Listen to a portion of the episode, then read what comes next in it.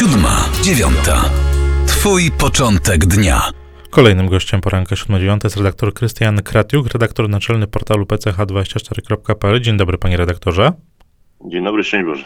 Szczęść Boże. Tydzień temu ojciec święty Franciszek w Watykanie zainaugurował 16. zwyczajne zgromadzenie ogólne synodu biskupów, które przebiega pod hasłem ku kościołowi synodalnemu, komunia, uczestnictwo i misja. Zanim porozmawiamy o szczegółach, panie redaktorze, to na początek pytanie ogólne.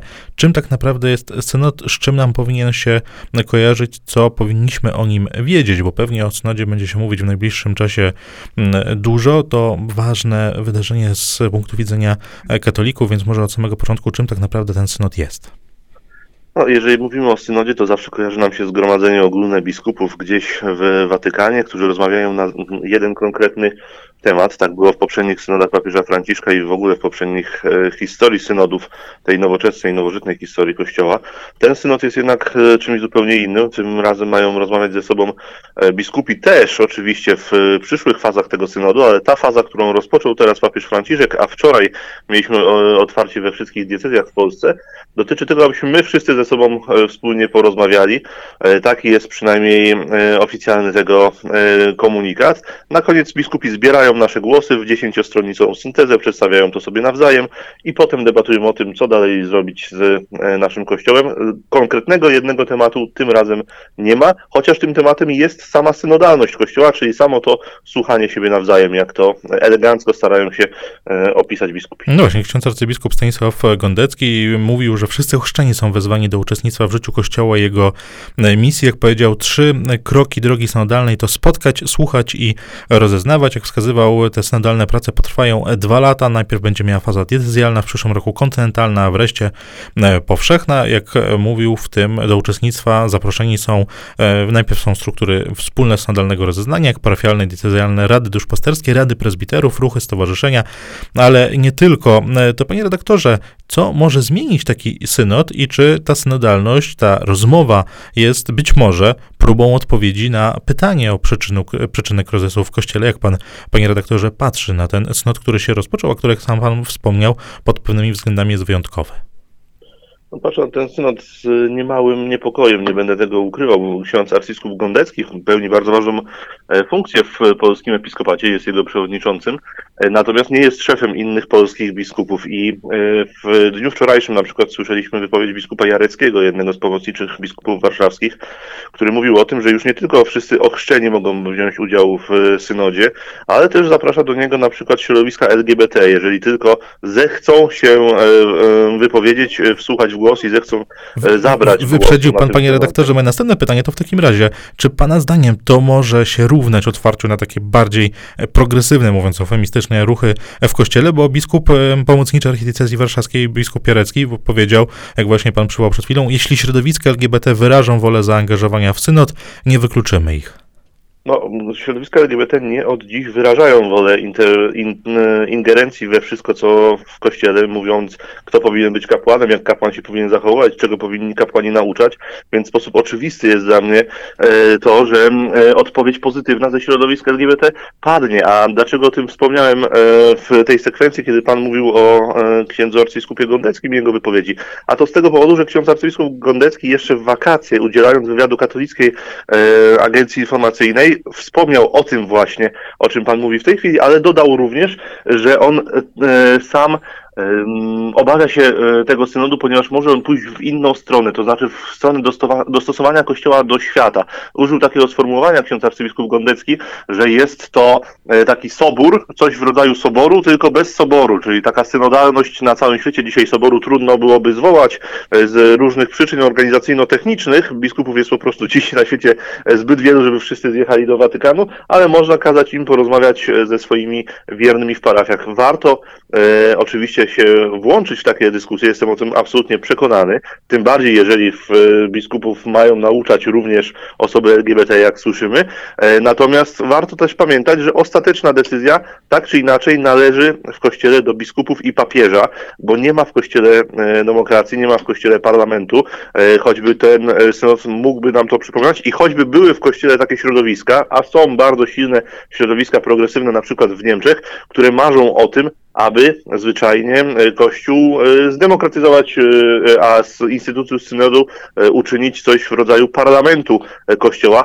Myślę, że każdy z naszych słuchaczy instynktownie wyczuwa, że jest to po prostu niebezpieczne i nie jest to droga Kościoła, ponieważ w drodze Kościoła jest pasterz i są owce i to owce mają podążać za E, odpowiednio uformowanym pasterzem, a nie owce prowadzić pasterza, no bo to nigdy nie wiadomo, czym się skończy. A zwłaszcza, że jeśli chodzi o kościół niemiecki, to można wręcz e, odnieść wrażenie, że tam są takie tendencje odśrodkowe do wydzielenia się, by tak naprawdę e, tutaj było sobie jakąś taką osobną wyspą, ale rzeczywiście patrząc na to, co dzieje się z kościołem w Europie Zachodniej, można mieć przynajmniej wątpliwości, jeśli nie obawy, jak pan redaktor wcześniej powiedział. To chciałem zapytać jeszcze o opinię, opinię, którą pana redakcyjnego kolegi Pawła Chmielewskiego, który w do rzeczy przy aktualnym numerze napisał tak. Kościół wkroczył na drogę synodalności. Efektem rozpoczętych procesów może być pogłębienie atomizacji katolików. Wsłuchując się w głos schizmatyków, heretyków, innowierców i apostatów, łatwo możemy zatracić tożsamość. Na horyzoncie nie widać sił zdolnych do powstrzymania tego e, marszu. Czy pan zgadza się ze swoim redakcyjnym kolegą? Czy pan też jest e, tak, czy, czy w Pana sercu, w Pana duszy są tak daleko idące obawy, jeśli chodzi o to, co może się właśnie wydarzyć na końcu tej drogi snodalnej? Tak, oczywiście podzielam obawy Pawła Chmielewskiego w sposób e, zasadniczy.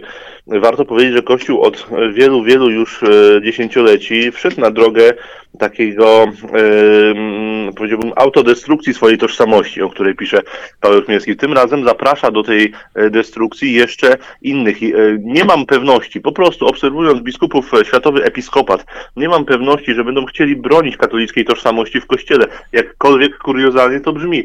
Jeżeli rzeczywiście jest tak, jak mówił Ojciec Święty Franciszek, yy, którego intencje dotyczące słuchania ludu doceniam, żeby była jasność, ale jeżeli on mówi, że musimy się wsłuchać w głos świata, a w Piśmie Świętym czytamy, iż mamy nie brać przykładu z tego świata i unikać wszystkiego, co ma choćby pozór zła, a my zapraszamy, no właśnie, jak biskup Jarecki, środowiska LGBT, żeby mówiły, jak powinien wyglądać Kościół e, i uwzględniamy ich potem w końcowych raportach tego synodu, e, to trudno nie zgodzić się z Pawłem Chmielewskim, który jest e, swoją drogą, mimo młodego wieku, wybitnym specjalistą w tych sprawach, więc zachęcam do słuchania go również na łamach naszego kanału YouTube'owego. Właściwie słuchając tego, co pan mówi, można odnieść wrażenie, że takim y, no, w takim skrajnie pesymistycznym scenariuszu można powiedzieć, że te środowiska tradycyjne, środowiska no, albo po prostu e, katolicy mogą, jakkolwiek to zabrzmi abstrakcyjnie, paradoksalnie, ale po prostu stać się mniejszością.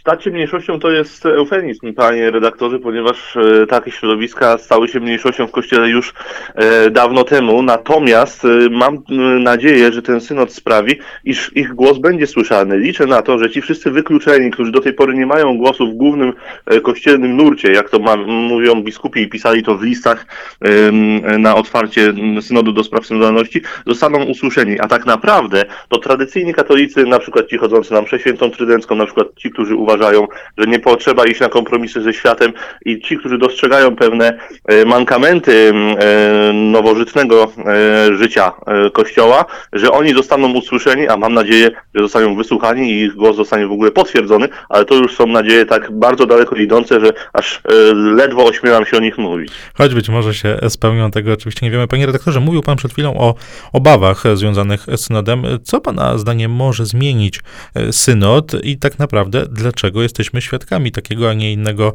e, synodu. No jeżeli Państwo oglądają od czasu do czasu e, amerykańskie filmy, gdzie występuje jakiś pastor i ma swoją grupę E, wiernych, do których mówi w sposób charyzmatyczny, a potem się rozchodzą do domów, e, nie ma tam mszy świętej, nie ma tam sakramentów, bo nikt w to już nie wierzy, to obawiam się, że dokładnie w tą stronę pójdzie Kościół po tym synodzie, to znaczy, że może pójść w tę stronę. Proszę zwrócić uwagę na przykład na to, że badania z ostatnich dni wskazują, że 70% amerykańskich katolików nie wierzy w realną obecność Chrystusa w Najświętszym Sakramencie. To jest absolutna podstawa naszej wiary, fundament. Bez tej bez wiary w to nie ma, nie ma chrześcijaństwa, nie ma Kościoła katolickiego. I te 70% to jest większość. Jeżeli ta większość tak reprezentatywna e, zostanie wysłuchana na tym synodzie w sposób dosłowny, czyli oni powiedzą, że nie powinniśmy wierzyć, że to jest Chrystus w tym e, konsekrowanym kawałku chleba, e, to Kościół pójdzie tą stroną, jeżeli rozumiem taki jest zamysł synodalności. To przyniesie straszliwe, przerażające konsekwencje spustoszenia Kościoła i spustoszenia naszych dusz. Mam nadzieję, że na całym świecie e, biskupi okażą się e, tak e, mądrzy, tak roztropni i tak dobrze uformowani, że wysłuchają ludzi, którzy błądzą, a jest ich dzisiaj w naszym kościele większość, nie ma o czym mówić, i będą mm, w stanie skorygować ich błędne tendencje. Jeżeli tak nie będzie, to staniemy się albo kościołem jak z wspólnot protestanckich z amerykańskich filmów, albo jak Kościół katolicki w Niemczech, który w tej chwili rozpatruje, czy kapłaństwo jest do czegokolwiek w Kościele potrzebne, czy są potrzebni kapłani jako szafarze sakramentów.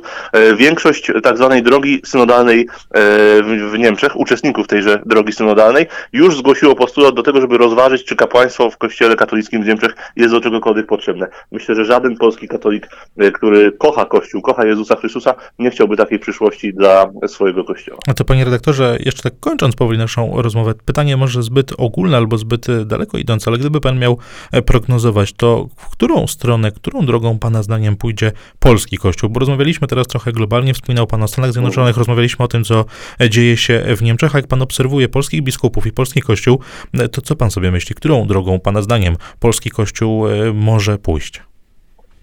To jest e, trudne pytanie, w którą stronę może pójść. Mam nadzieję, że nie zrobi ani kroku e, wstecz, e, jeżeli chodzi o obronę wiary, bo wiem, że polscy biskupi, na przykład na synodach papieża Franciszka, niejednokrotnie potrafili ścierać się ostro z biskupami z Zachodu, chociażby w sprawie nierozerwalności małżeństwa, czyli tego, o czym nauczał Chrystus osobiście. Ale może zamiast o przewidywaniach powiem o swoich marzeniach. Mam ogromne marzenie i, i, i ogromną prośbę też do naszych słuchaczy, że wezmą udział w tym synodzie o synodalności, że odnajdą w swojej diecezji delegata do spraw e, synodalności, do spraw synodu i, i powiedzą mu o swoich obawach i powiedzą, że nie chcą kościoła, który zmienia się wraz ze światem, ale kościoła, który zmienia świat, zmienia świat na dobre, zmienia świat na mm, e, ludzi wyznających prawdę, dobro i piękno, a więc Jezusa Chrystusa, Syna e, Bożego, e, który umarł za nasze grzechy, dał nam szansę na zbawienie i nie odbierajmy światu tejże szansy, zmieniając jego Kościół. I tą